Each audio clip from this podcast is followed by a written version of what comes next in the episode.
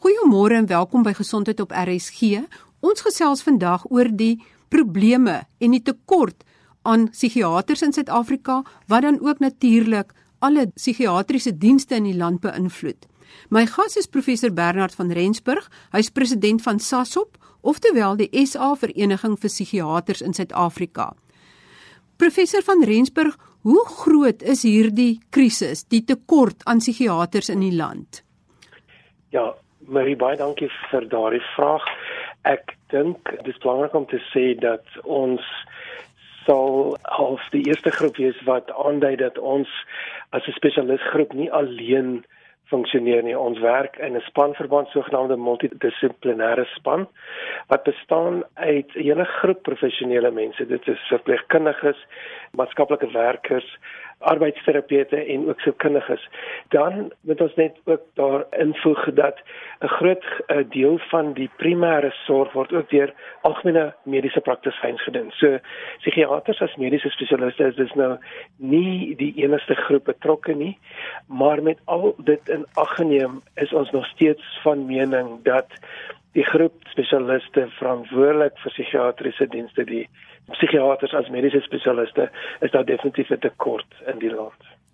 Ek sien in julle verklaring wat julle uitgereik het sê SASOP dat daar is net een psigiater per 100 000 ja. vir alle Suid-Afrikaners. En wat behoort dit te wees volgens ja. die WHO Wêreldgesondheidsorganisasie se riglyne? Dankie weer eens. Ek dink daai is ook 'n soort van 'n veralgemenende statistiek. Ons het daarby uitgekom uh, omdat ons weet ons het op hierdie stadium die vereniging van psigiaters het ons nou omtrent 550 560 volle lede wat beteken dat vir die 55 miljoen mense in die land werk dit uit omtrent op 1 per 100 000. As jy in ag neem dat ons omtrent 90% van die psigiaters verteenwoordig in die land, dan is dit min of meer die syfer wat wat ons nou mee werk. Daarmee saam eh, kan mens nou ook verstaan dat in meer verstedelike gebiede soos Gauteng en Wes-Kaap is daar baie meer psigiaters gekonsentreer. Gauteng byvoorbeeld het ons 200 90 omtrent ongeveer van die volle getal. So die meeste psigiaters praktiseer in stedelike gebiede. So daar's onmiddellik 'n uh, 'n wandelans ook in terme van die meer sogenaamde landelike provinsies soos sê nou maar Limpopo of Mpumalanga of so. Jy vra oor die WHO se norm miskien. Nou dit is 'n bietjie van 'n moeilike saak in die sin dat 'n mens moet uh, net in ag neem dat ons nie noodwendig 'n spesialis georiënteerde gesondheidsorgmodel nastreef nie. Die WHO sit baie klem op primêre gesondheidsorg en deur ook vir geestesgesondheid en psigiatriese dienste wat dan deur die sogenaamde primêre sorg kader van praktisyns voorsien moet word en ook dan nou primêre sorg verpleegkundiges.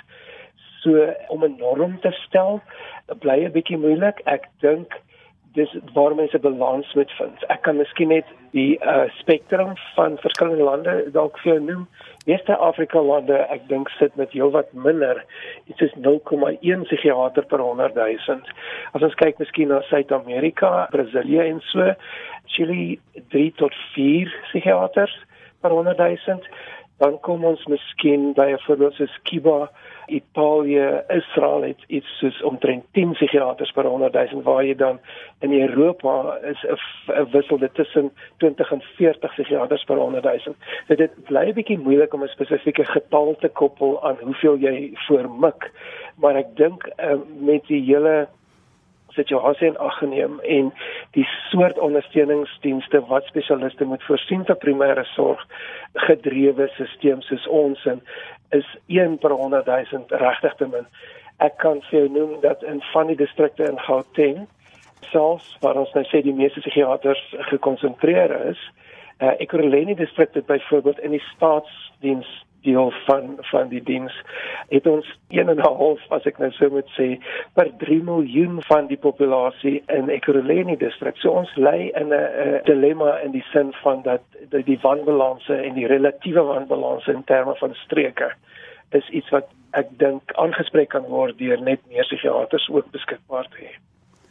Ek verstaan ook dat daar so ongeveer 35 nuwe psigiaters elke jaar kwalifiseer, maar dit ja. maak nie eintlik so groot verskil as daar reeds so groot tekort is nie. Ek dink is dis heeltemal reg en dis die ding wat ons uh, bring om te noem dat ek dink ons bly net nie voor nie. Die populasie groei meer as die spesialiste wat ons kan produseer. En 10 jaar gelede is omtrent die laaste wanneer ons 'n vermeerdering in die opleidingsposte gesien het. Dit beteken dat ons nou poste het vir ehm um, kliniese assistente in opleiding om psigiaters te word is vermeerder omtrent 10 jaar gelede en wat dit nou moontlik gemaak het om vir af, afgelope tyd omtrent 35 tot 40 per jaar te kwalifiseer. Maar ek dink net nie dit is meer voldoende nie. Dit is ook uh, belangrik. Ek dink die probleme word ook meer. Die aanspraak op die dienste word meer boonop vir die feit dat die algemene populasie groei ook plaasvind. En dan wil hulle nog dagga wettig. Daar is nou die ander ding want ek dink die komplikasies wat ons sien uh, het baie te doen met komorbiditeit wat beteken maar dat jy uh, 'n las het van meer as een diagnose, meer as een mediese probleem en inderdaad soos wat jy sê substansmisbruik en probleme verwant daaraan is definitief uh, kompliserend dit dra by tot die probleme wat wat elke dag aangespreek moet word. Professor van Rensburg, jy het nou duidelik gemaak dat die psigiater is eintlik maar die toppunt van die piramide, maar dat primêre gesondheidsorg word eerste gebied en daar speel 'n verpleegster 'n belangrike rol. Maar ja. ek het ook verneem dat verpleegkundiges, selfs die met die 4 jaar graad, nie meer sulke intensiewe psigiatrie opleiding kry soos wat ja. 20 en 30 ja. jaar die die norm was nie en dat daar dat daar ja. ja en dat hulle eintlik nie meer so goeie insig in psigiatriese probleme ja. het nie jy is heeltemal reg en ons is definitief ook uh, bekommerd daaroor want as dit omtrent die rigsteen is uh, Engelse backbone is van ons dienslewering is dit 'n groot bekommernis as die kurrikulum en die manier waarop ons verpleegkundiges opgelei word dan nou nie dit moontlik maak om vroeër miskien toestande te erken en miskien dan in te tree nie. Jy is heeltemal korrek. Ek dink ehm um, dat dit gaan 'n definitiewe impak hê en ons hoop dat dat die verpleegkunde groep en en die raad wat kyk na kwalifisering kan definitief dit dalk in oorweging neem. Is jy in kontak met hulle om te vra dat hulle aandag aan hierdie probleem gee van gebrekkige oh, opleiding? Ja. Ons het uh, begin om in die Gauteng konteks uh, dit uh, vir die Gautengse departement van gesondheid te doen uh, en ons glo dat daar dalk uh, definitief dan nou die nodige kontak gemaak kan word ten minste in Gauteng maar soos wat jy sê dis op 'n nasionale vlak die die bekommernis met die onlangse krisis die life is die meni tragedie Ek het ja. nou nou baie van die verhore geluister en geluister hoe die mense praat en wat hulle verweer is en so aan. Maar ek ja. kan nie help om onder die indruk te kom dat daar by die verskillende departement van gesondheid en spesifiek aan Gauteng dat mense wat besluite neem oor die behandeling en die versorging van pasiënt psigiatriese pasiënte nie ja. noodwendig die insig het of besef dat opgeleide uh professionele mense na hulle moet omsien. Pleks van net iemand wat gewoonlik tee maak of koffie bedien of so nie presies so. En, en dit is vir mense die bekommernis. Is kommerwekkend en dit was om dit te hoor soos wat dit gedek was deur die verhoor uh vir mense regtig kommerwekkend dat die idee was dat mense maar sommer net deur leuke mense gaan teken. Wat miskien was van hierdie nie regeringsorganisasies uh, dalk met goeie intensie en al maar uh dit was so belangrik dat die breek het gekom dat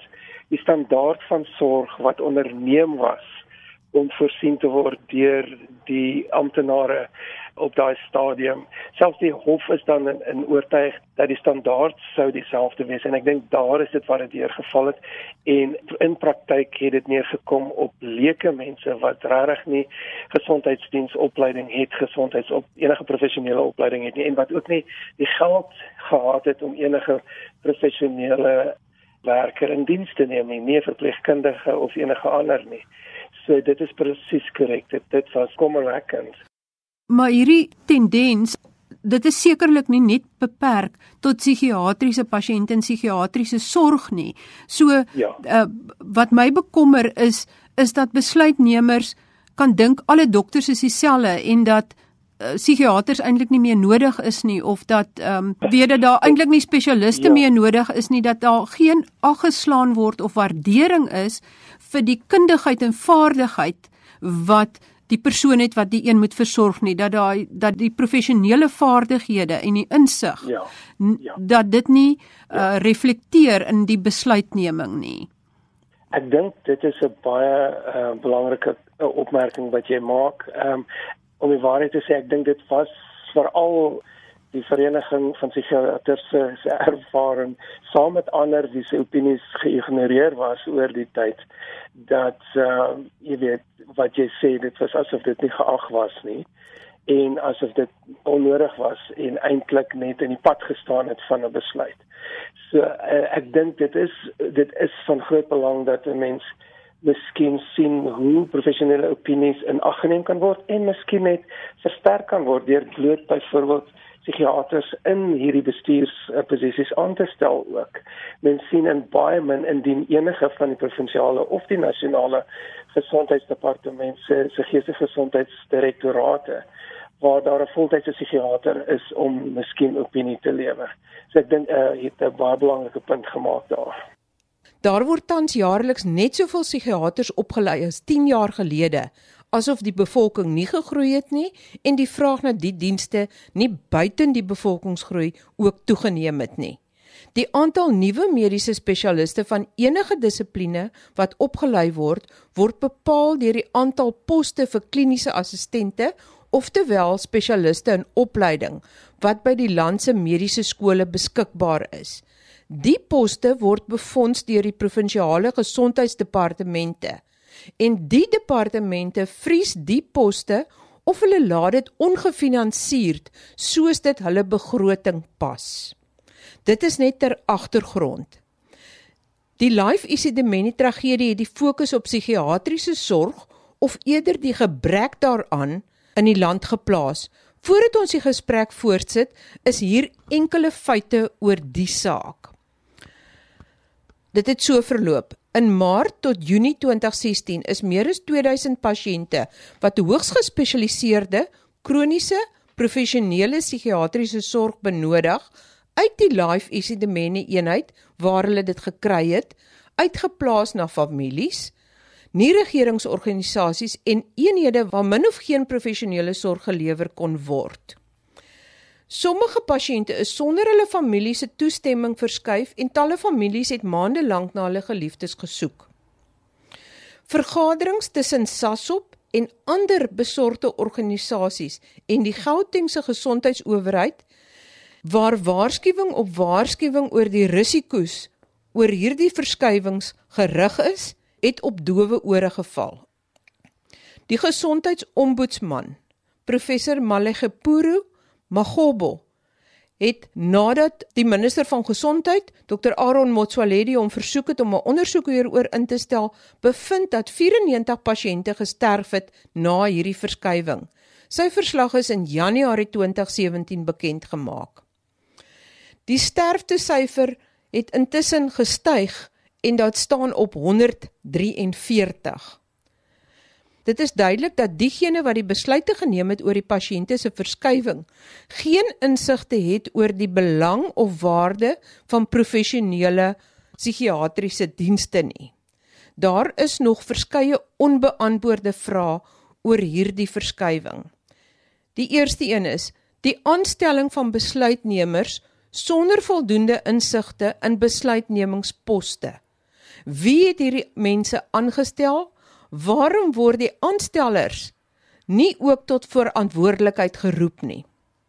Wat is die sogenaamde kriteria waaraan die alternatiewe sorgeenhede moes voldoen en waarom was voldoende goeie kwaliteit psigiatriese verpleegsorg nie een van die voorvereistes nie? Waarom is daar glad nie aggeslaan op die waarskuwing van spesialiste soos psigiaters nie? Waarom is die Raad op Verpleegkunde en die Verpleegvakbond, Denosa, want daar is nie meer 'n verteenwoordigende verpleegstersvereniging nie. So stil oor die tragedie en waarom het die Raad op Verpleging toegelaat dat alle vorms van verpleegopleiding en spesifiek psigiatriese verpleegopleiding as deel van die opleiding vir geregistreerde verpleegkundiges die afgelope 20 jaar verswak het, soos al duideliker word met onderhoude wat ek doen. Met hierdie as agtergrond sit ek nou die gesprek met professor van Rensburg voort. Ek sien dan ook dat julle betrokke is by die herstelplan wat nou 'n uitvloeisel is van hierdie Life Easy Demeni tragedie. Hoe dink julle kan dit vorentoe lyk en sal julle insette hierdie keer in ag geneem word? Ja. Ek dink ons mediastelling wat ons uh, gemaak het, het ons uh, definitief ons ondersteuning uitgespreek vir hierdie positiewe stap wat geneem is deur die Gautengse uh, gesondheidsdepartement. Ek dink die vlak waarop hierdie uh, span nou sal veral uh, bydraes maak is op hoë vlak in terme van die nou moet ek weer Engelse woord gebruik governance of die stelsels, die stelsels wat in plek is om seker te maak dat risiko verminder word, dat kwaliteit verseker word, dat dienste bekom en betaal word as ek maar sê. So ek dink uh, hierdie hoofvlak span wat aangekondig is gaan miskien op op daardie vlak eh, 'n uh, belangrike insette maak, maar ons weet ook dat eh uh, soos ons gesê het in die beplanning die die basiese getal van spesialiste wat beskikbaar is om hierdie dienste te ondersteun ook in ag geneem sal word. Ons uh, het goeie hoop dat ons met die nuwe NEC van gesondheid uh Dr. Ramagopa dat ons met haar in die departement 'n praktiese posisie kan bereik wat mens by operasionele planne kan uitkom waar mens kan sien hoe ons wet verstrek distrik vir distrik miskien 'n praktiese plan kan bewerkstellig om nie dieselfde probleme te herhaal nie. Professor uh, van Rensburg, ek weet psigiaters is belangrik, maar Ek dink die maklikste manier om die belang van psigiaters uit te spel is om te ja. sê hoe sal 'n land of Suid-Afrika lyk as daar geen psigiaters is nie? Watse ja. dienste en watse ja. kundigheid sal daar dan nie meer wees nie? Goed.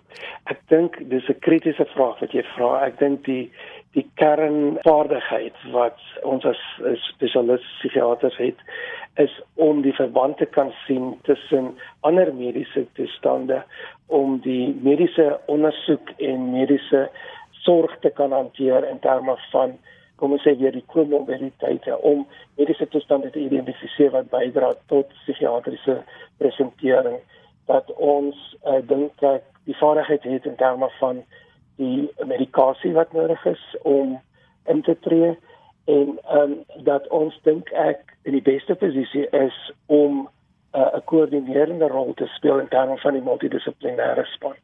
Uh, ek dink nie een van die ander spanlede het regtig hierdie oorkoepelende as ek dit so kan stel amper 'n uh, rol om te speel nie en so ek dink dit sit die psigiater in 'n baie spesifieke unieke rol in die konteks van geestelike gesondheid. En die psigiater is ook 'n een wat die kundigheid en die vaardigheid het om byvoorbeeld uh, te onderskei tussen major depressie en bipolêre steurnis. En Definitief skizofrenie en narcissisme en ja spesifieke goede persoonlikheidsprobleme ensovoorts definitief en dat daar 'n verbande kan staan vir en en meer you know verskillende kombinasies van diagnoses kan wees en dan die hopelik die beste kombinasie van medikasie en ander ingrepe kan fasiliteer soos psigoterapie of arbeidsterapie insette. Ek sou definitief daarmee kan saamstem dat ehm um, psigiater is in 'n in 'n unieke posisie in daai verband. Maar aan die ander kant is dit ook so dat as enige begroting onder groot druk is, Ja. Ek ek is seker psigiatrie word baie gou na die agterspeen toe geskuif. Ek dink dit is die ervaring en ek dink dit is ook wat oor tyd gebeur het dat die die prioriteit prioritisering in terme van finansies, die prioritisering in terme van opleidingsposte en kapasiteit, daai soort van besluite het groot klem op die chirurgiese dissiplines soos wat jy sê.